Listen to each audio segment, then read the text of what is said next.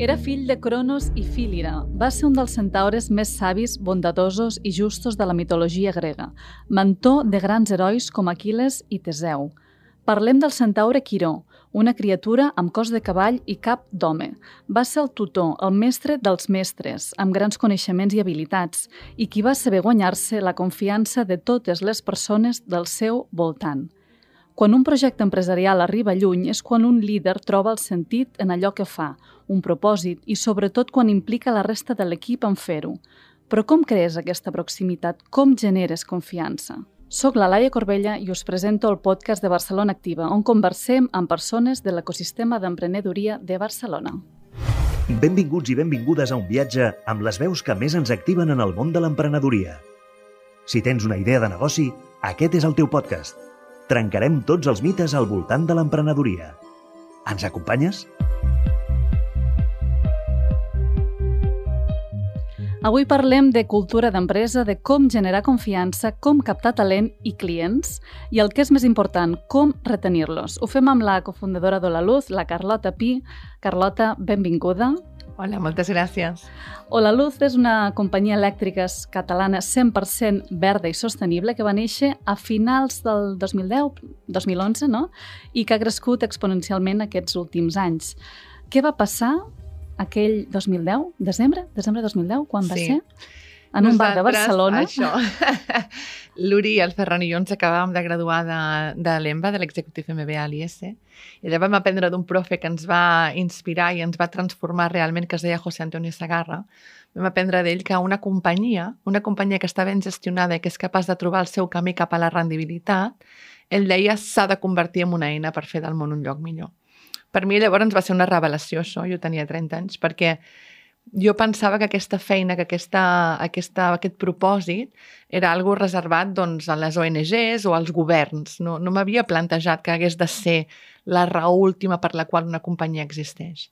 I llavors estàvem l'Uriel Ferran i jo en aquell bar, saps? Un bar d'aquests que està, bueno, ara no sé si aquests bars existeixen, no? Després post-Covid, però d'aquests que està ple de gent, que fa olor a cervesa, que les, les taules s'enganxen una mica, el Jaume va fent que sí, perquè ha estat en antros d'aquest tipus.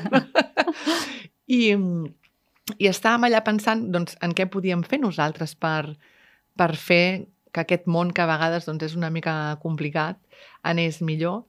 I després de la tercera cervesa jo me'n vaig a la meva motxilla, trec un document que havia, el que havia, en el que havia invertit bastantes setmanes de feina i la primera pàgina posava connectar persones a l'energia verda i allà és on va començar la luz. Mm, comentaves de fer un millor, fer-lo més sostenible, però com, com et fas un lloc en un mercat tan competitiu no? i tan dominat com per les grans companyies? Estem parlant del sector energètic. Mira, nosaltres quan vam començar l'empresa tampoc érem molt conscients de totes les coses que estàvem fent. No li posàvem nom i cognoms, no teníem tan etiquetat o tan ben estructurat el que ara us explicaré. Després, al cap del temps, vist en perspectiva, doncs ens hem adonat que les coses que hem fet tenen un nom i ens han servit per estructurar una manera de fer les coses. Nosaltres teníem clar que volíem canviar el món, que volíem ajudar que el món fos un lloc millor, que volíem arribar a un compromís honest i responsable amb les generacions futures i que nosaltres, tres enginyers que havíem tingut el privilegi de ser nascuts en aquesta banda del Mediterrani i tenir un accés a una, a una formació de qualitat, havíem de retornar al món. No? I que el que sabíem fer estava relacionat amb el món de les energies i el que sabíem fer estava relacionat amb el món digital. I, per tant, allà és on, per, per això que vam, vam fundar la Luz, amb aquest, amb, aquest, amb aquest propòsit de transformar el món i convertir-lo en un lloc 100% verd, via connectant persones a l'energia verda, oferint una proposta de valor que estigués basada en l'estalvi, gràcies a l'ús intensiu de la tecnologia i les dades, i en les persones, posant a les persones en el centre amb, amb aquesta energia verda. I com, com s'educa al mercat? Com, com se li explica que existeix una alternativa? Perquè tot allò que és, que és nou és molt complicat d'acceptar. Aleshores, què passa? Que, vist en perspectiva, com us deia abans, nosaltres ens hem adonat que una de les coses més poderoses que tenim ha sigut aquest propòsit, ha sigut, ha sigut aquest per què. Després, Òbviament també hem fet moltes coses molt bé i hem executat molt bé una estratègia. A vegades hem tingut cops de sort, a vegades hem, hem, hem tingut cops de mala sort que també hem sigut capaços d'aixecar-nos i de treure aprenentatges que ens han fet més forts, però sobretot la cosa que penso que fa única o la luz tant des d'un punt de vista d'atraure clients, de tenir una proposta de valor que ens faci diferencial amb respecte a la competència, com el més important d'una companyia, que és atraure talent i mantenir-lo i fer-lo créixer, ha sigut el per què, el per a què nosaltres hem fundat una companyia. El, el propòsit últim de la Luz, tenir una companyia que té un propòsit que és genuïnament transcendent, que la gent pot apuntar-se a ja sigui a través de la seva factura de la llum o a través de posar-se plaques solars fotovoltaiques a la seva taulada o perquè compra 1.000 euros d'accions que ara estem cotitzats a borsa o perquè decideix aixecar-se cada dia al matí i venir a posar tota la seva energia, la seva intel·ligència, la seva alegria en fer aquesta revolució, aquesta revolució de les taulades, tot això al final convergeix en què tots aquests, totes aquestes persones que, que formen part de manera directa d'Aula Luz, ho fan perquè tenen el mateix propòsit que nosaltres. I això, si tu vas a mirar, no, Laia, el que em deies, una, un sector amb gran competència, tu vas a mirar quin competidor nostre, quina de les grans incumbents pot dir que realment té un propòsit de, de fer el món d'un lloc mm -hmm. millor. I llavors aquí ja veus que nosaltres només pot, només pot quedar-nos bé, no? I, I el mercat es, era conscient en aquell moment que tenia alternatives, que tenia aquesta alternativa? O, o com són aquests primers mesos en el que tu tens molt clar el propòsit i la proposta de valor, però potser tens davant un mercat que encara no ho coneix o no sap que això és possible. Home, és clar, Lai, al principi la gran, el gran tema i el gran repte que tens és que no et coneix ningú, ningú sap el que fas. O sigui, jo encara guardo correus electrònics que ens intercanviàvem amb el Ferran quan estàvem lluitant a final del 2011 per tancar amb 100 clients. 100 clients. No? 100 clients, i ara quants en teniu? 100 clients. Ara en tenim mm, pràcticament 400.000. No? O sigui, tenim un ritme de creixement de diversos centenars de clients cada dia. No? Uh -huh. I, i, I efectivament, no? els primers 100 clients que vàrem fer eren en Family Friends en Not So Many Fools, perquè no en teníem tants, no? I recordo perfectament en una sala de Barcelona Activa un divendres a la tarda, eh, l'Uri aixecant al cap i dir eh, Carlota, eh, s'ha fet clienta l'Elisabet Forns. Jo, no sé qui és. Ah, no és amiga de ta mare? Dic, no. Ferran, Elisabet Forns. No, no, si no la conec de res. I ens vam adonar que aquella era la primera clienta de veritat que havíem tingut, no? que una persona que ens havia trobat per la xarxa s'havia de ser bastant hacker, aleshores, no? I, i que a més a més havia completat el nostre funnel de compra, que també s'havia de ser molt hacker, perquè teníem un funnel d'adquisició de clients que estava bàsicament dimensionat per evitar les, les, eh, les després eh, complicacions operatives, o sigui, no teníem un funnel dissenyat per vendre, sinó que teníem un funnel dissenyat per no tenir problemes després, o sigui, que no veníem res, bàsicament, no? I, i, i, allò va ser, com us deia, a, a final del 2011, no? I, i sí, i aquest, és el, aquest era el primer gran repte.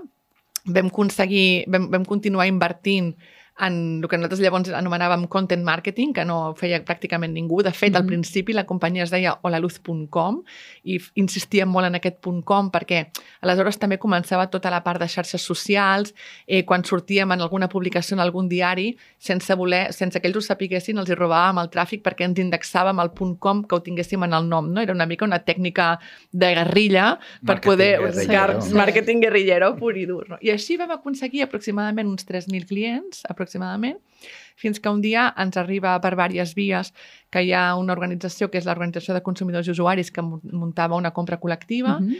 que, que s'estava apuntant molta gent. A, a, és una campanya purament, després vam també posar-li nom, no?, de mail marketing, no? Ells feien una generació de leads, una base de, de, de, de leads, a la que després impactaven amb una oferta després d'una espècie de subhasta nosaltres, ostres, clar, ningú ens havia convidat no, a participar com a companyia elèctrica en aquella subhasta, però ens vam posar en contacte amb, la, amb aquesta organització, eh, vam aconseguir que ens admetessin com a com a, com a partner, com a partner no? com a concursant, no? per entendre'ns, ens passen les bases de com s'havia de fer la subhasta i allà descobrim que, que tenen un problema no? en com, com es feia l'assignació la, de la subhasta.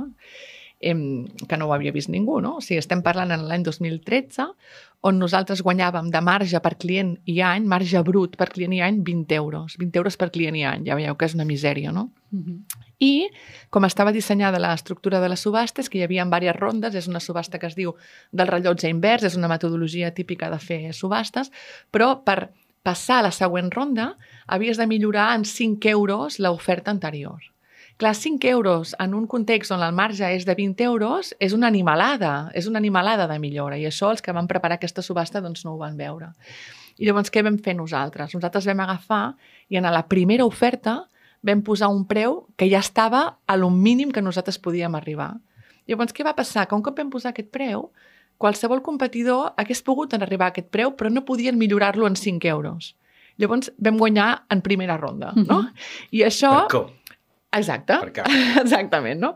I llavors això, bàsicament, el que ens va servir a nosaltres, a part de que, gràcies a aquesta campanya de mail marketing, vam aconseguir uns 20.000 clients, 23.000 clients, eh, penseu que teníem 3.000 clients, sobretot, el millor que ens va passar és aquest repte que deies tu, Laia, que ens va posar a les portades de tots els diaris espanyols, vam obrir La els notorietat, no? telenotícies i de cop i volta vam aparèixer al mapa una companyia que no coneixia ningú.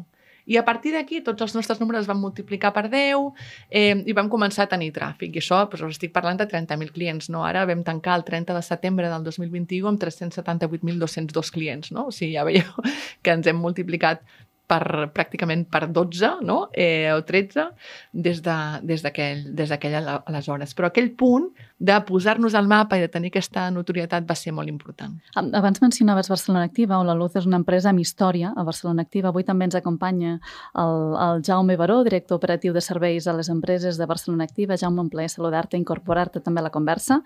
Um, o la Luz va començar en una de les incubadores de Barcelona Activa. Què recordeu d'aquells inicis, Jaume? Ara és molt fàcil explicar-ho, però jo crec que podem explicar-ho, però que la primera vegada que vam sentir la idea de negoci a través dels, de la Carlota, l'Oriol i, el, i el Ferran, eh, nosaltres tècnicament a Barcelona Activa, tal com ho estava explicant ara la Carlota, no li veiem massa sentit a la idea de negoci. Imagina. Eh, dèiem, escolta, mm, aquí hi ha un marge molt petit, eh, per arribar a fer alguna cosa necessitareu eh, centenars eh, de milers de, de clients, un mercat que sí que està desregulat però que continua tenint unes barreres d'entrada molt grosses, amb un mercat eh, que els competidors existents, pues ja els coneixeu a tots, eh, són molt grossos.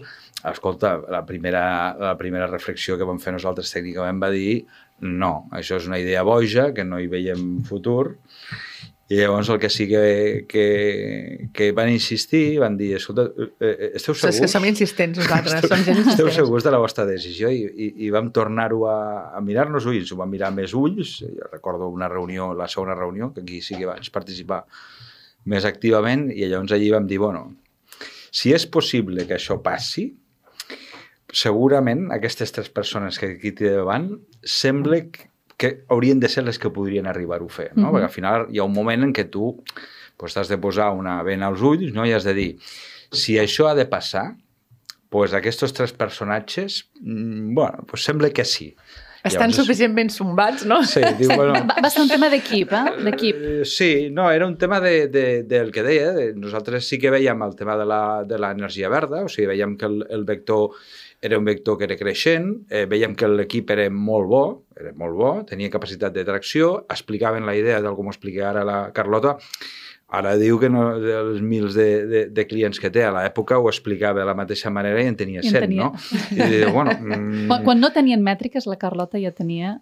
Sí, sí, no, no, no, la, no, no ha canviat passió. gaire. No, no, sí, no, no, el, el, el pitch eh, canvia amb, els, amb les mètriques, però la, la intensitat no? i el propòsit que tenia la companyia és el mateix, que això és una cosa que, que també, eh, eh, vist avui, no? pues, també ho valores, no? perquè dius, Mhm. eh, no han canviat gaire dels, dels inicis i això, i això és positiu. I així va ser com van entrar pues, a Barcelona Activa amb quatre taules i quatre cadires pues, a lluitar contra, contra, contra un mercat que era complicat, no només per la competència, sinó perquè també comentaves tu, Laia, pues, com fem arribar al, al, al, client futur no? eh, això que Hi ha volem una fer. alternativa, no? No? I, i, I són petits, no?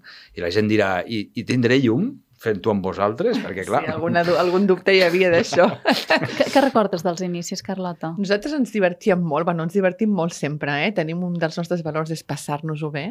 De fet, a, a, clar, ara tenim un equip de més de 300 persones, només en, el, en els headquarters a Barcelona, després tenim més de 150 persones en instal·ladors de panells solars fotovoltaics i visitadors, experts solars que visiten les cases per fer les, les visites tècniques i, i tenim una sala a les nostres oficines que es diu Barcelona Activa on hi tenim les taules originals de color verd que vam comprar a IKEA el, el 15 de desembre del 2021 que no les vam pas comprar per l'energia verda, les vam comprar perquè eren les més barates, perquè eren tan lletges que ja no les feien més. I les tenim allà perquè totes les persones que entren ara, que, que hi ha, clar, hi ha centenars de persones de la Luz que mai han trepitjat les oficines de Barcelona Activa, uh -huh i, i forma part del nostre ADN, forma part de, de, la, de, la, de qui som nosaltres ara. Eh, de Barcelona Activa recordo sobretot això que us dic, de passar-nos-ho molt bé, de conèixer gent brillant, gent amb la que encara ara de tant en tant, oi Jaume, anem a sopar, sí, sí. Eh, discutim temes de negoci, eh, temes de tecnologia, eh, i realment jo em sento molt privilegiada de poder formar part d'aquesta tribu, d'aquest grup, d'aquesta no? d'aquests aquest, privilegiats tocats eh, per la mà de Barcelona Activa. En, en sou uns quants, no?, d'aquella generació? Aquella generació és, és maco eh, perquè això són com les collites del vi, no? I aquesta generació de startups que van aparèixer, pues això, posteriors al 2007-2008 de la crisi, no? I allí es va concentrar una sèrie de companyies molt maques amb unes persones a darrere realment que, que, que encara, com deia abans la Carlota, molts d'ells encara uh, continuem veient-nos uh, i anem a fer sopars, etc etc. Hi havia el, el Francesc Font, que l'heu tingut aquí mm. ara amb la seva nova companyia, i en porta també tres o quatre.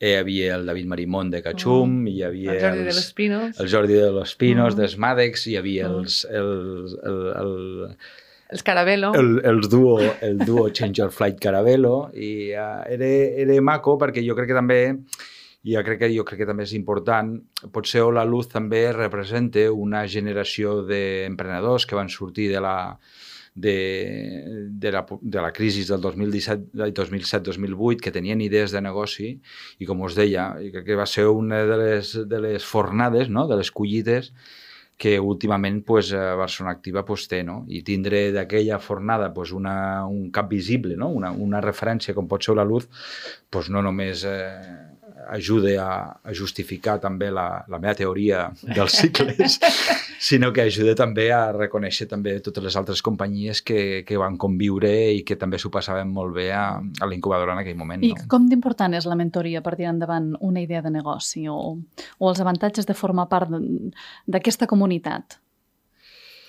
I aquí el més important és que una persona o les persones que tenen idees de negoci sàpiguin escoltar, i tinguin espais on puguin sentir coses, no només de veu, sinó de feelings.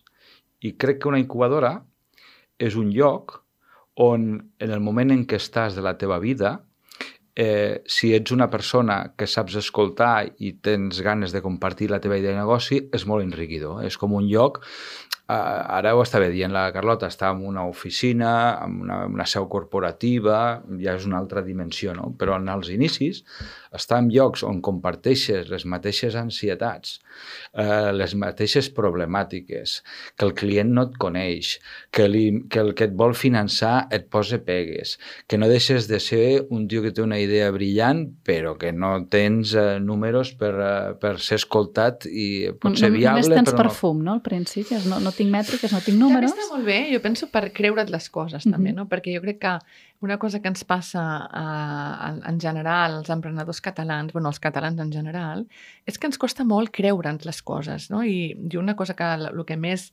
envejo dels americans és aquesta mm. capacitat de pensar en gran des del primer el, minut, el yes no? we can, no? no? I sí, sí, el think big i, i, i, i així passa, no? Tu te'n vas als Estats Units i qualsevol reunió que tens, la gent et tracta, tu ets un tio que acaba d'entrar per la porta, que no tens cap mètrica, però la gent et tracta com si tu pots ser el següent eh, tio que es llistarà al Nasdaq, clarament, no? Perquè realment és que és possible, és que mm. i tant que ho és, no?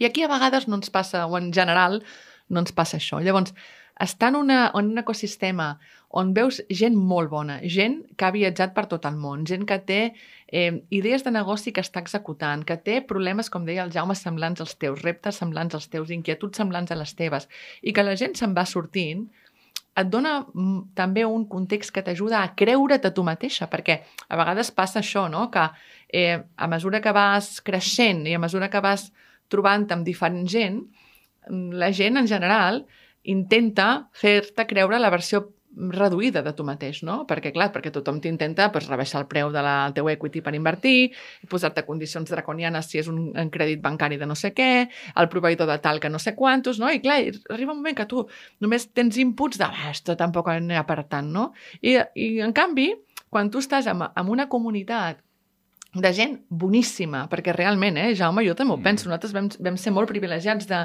de caure en aquella època a Barcelona Activa, és els companys de viatge no? que, ens va, que vam tenir la sort de poder tenir, veus que la gent pensa d'una manera molt disruptiva, molt gran, amb una ambició positiva, perquè realment per canviar el món necessites una eina gran per poder canviar el món de manera ràpida i profunda, si no, el teu propòsit original de poder fer del món un lloc millor no va a cap lloc, perquè clar, si t'acabes convertint en un xiringuito o una companyia que morirà perquè no ha trobat el seu camí cap a la rendibilitat, doncs tampoc te'n sortiràs, no?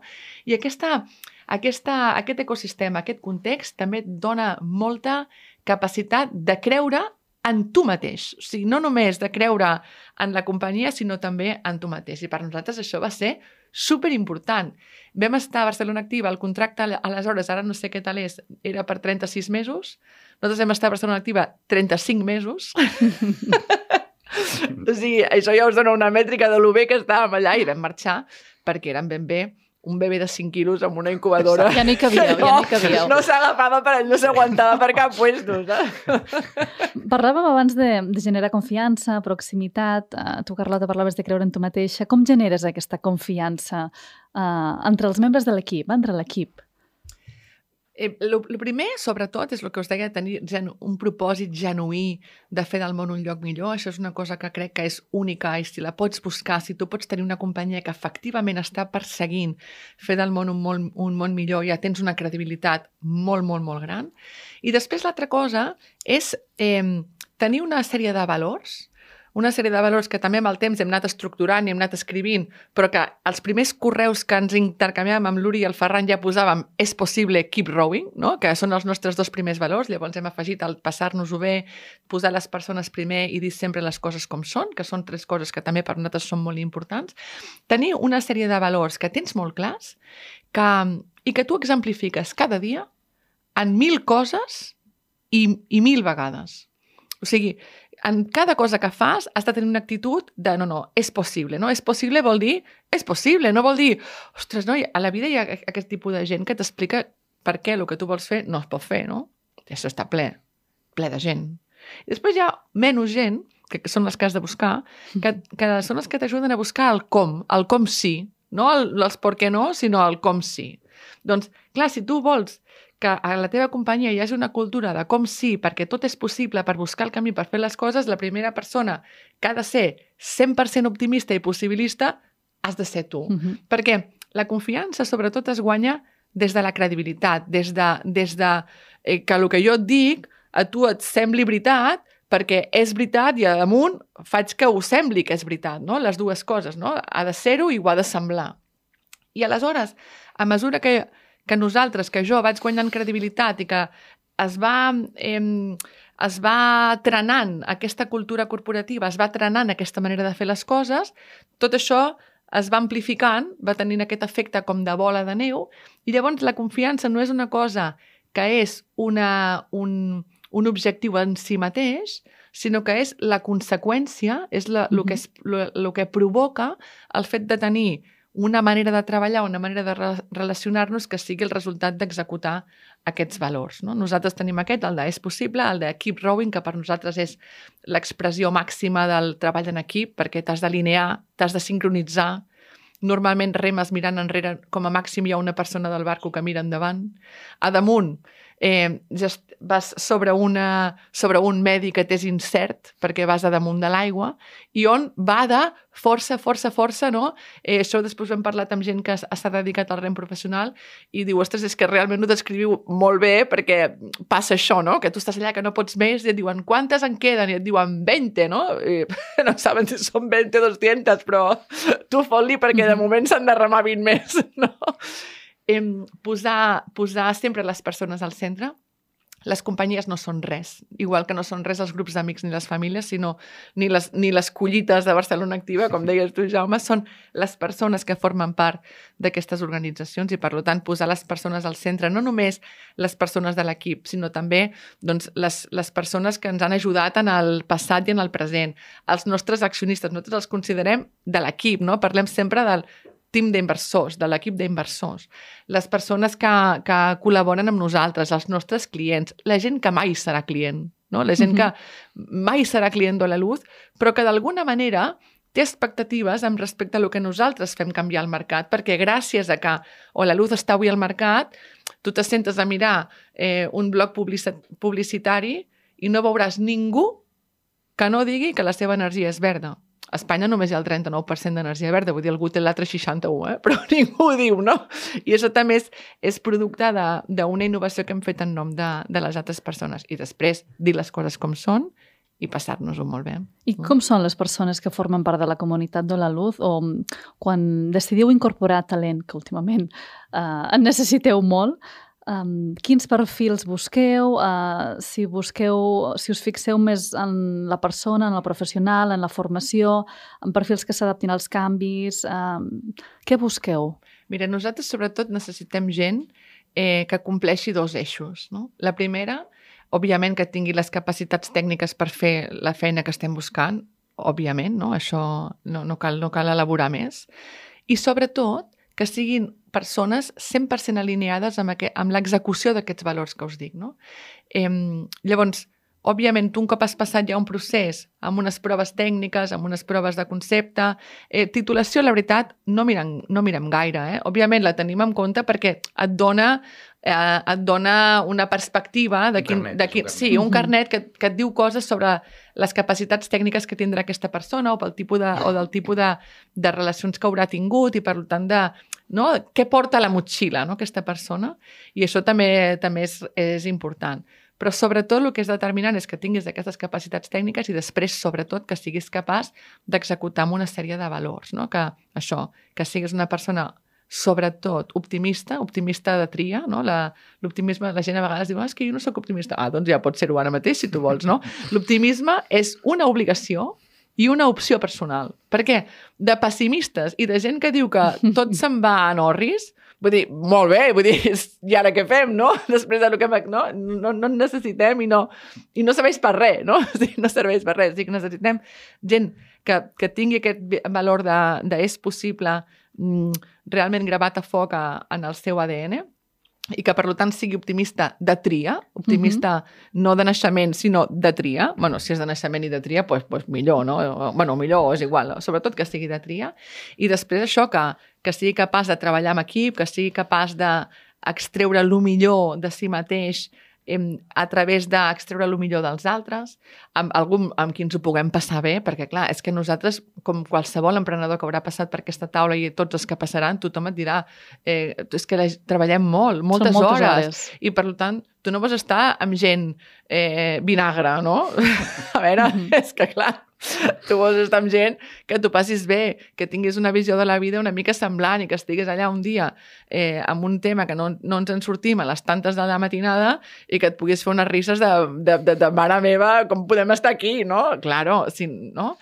En, que, que diguin les coses com són, en, en, el món es perd molt de temps, molt de temps, molta energia, molta alegria, de donar-li voltes a les coses i de que l'altre m'ha dit i l'altre m'ha dit i, i això és terrible, o sigui, és, és horrible, no? Val més dir les coses com són, amb respecte, amb ganes de construir, amb voluntat positiva, però s'han de dir les coses com són, no? Que a vegades som, som mira, avui sentia també que a vegades la societat actual som una mica víctimes de tota aquesta eh, coneixement i teories de la comunicació assertiva, la comunicació no violenta i tal. Arriba un moment que ja no saps què has de dir, no? Sí. I, i, i, clar, i que el missatge és aquest, no? Mira, xaval, és que... Costa, costa molt és que, és que assertiu, has arribat tard a una reunió, o sigui, vull dir, punt final, saps? Vull dir, et semblarà violent o no, però has arribat tard, no arribis més tard ja està, no? I a vegades no, li, li, li donem moltes voltes en aquesta cosa i les coses s'han de dir, com dic, amb respecte i amb ganes de construir i voluntat eh, positiva, però dient les coses com són, no? M'agradaria tocar el tema de mm, tecnologia, recursos, talent, una mica um, aquest còctel, no? perquè de vegades posem molt focus en el que és la tecnologia i potser no som tan conscients que els canvis tecnològics també afecten en la manera de gestionar i, i liderar i d'emprendre nous projectes i de gestionar equips.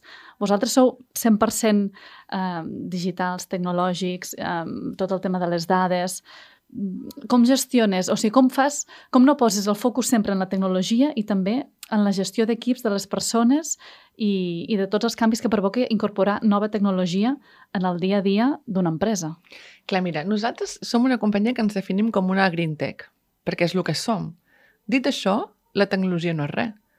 Ho són totes les persones. Mira, acabem de fer ara un, un, eh, un seminari amb Google, amb un Transformational Bootcamp amb Google, i ells em de, ens, ens van dir des del principi que la, qualsevol procés de transformació digital d'una companyia passa per les persones. O sigui, Google és una companyia people-led, no technology-led. Imagineu-vos, no? Pues, i a Hola Luz, pues això per 10, no? La tecnologia és una eina, és una sèrie de, de codi que nosaltres desenvolupem per poder fer la nostra feina de manera més eficient, més ràpida, per poder entregar millor la proposta de valor als nostres clients, ja sigui amb un client de supply, amb un client de la revolució de los tejados, ja sigui um, el dia de demà que puguem anar a altres països, ja sigui per entregar valor també als nostres accionistes, però són eines, no és mai la finalitat ni el producte en si mateixos, però ni a Hola Luz ni tampoc a Google, eh? fixeu-vos-hi. Eh? Llavors, això com es barreja? Es barreja que la, nosaltres a Luz tenim una visió molt forta d'equips transversals per propòsit, Mission Driven Teams, no tenim ja eh, la típica estructura vertical de màrqueting, operacions, tecnologia, eh, venda, sinó que tenim aquests equips verticals on es fa transferència de coneixement i ens preocupem que tinguem el millor estat de l'art mm, que hi hagi doncs, en cada un dels seus verticals, en finances, en, en, en finances, en tecnologia, en màrqueting, en operacions, en persones, en legal, en el que sigui, però la companyia la gestionem des d'aquests equips horitzontals, aquests equips transversals, que cada un té una missió, amb una definició, amb uns objectius i amb uns KPIs que utilitzem per mesurar si estem arribant en aquests objectius i en aquesta missió i que estan formats per gent de tot arreu, no? Òbviament, també de tecnologia.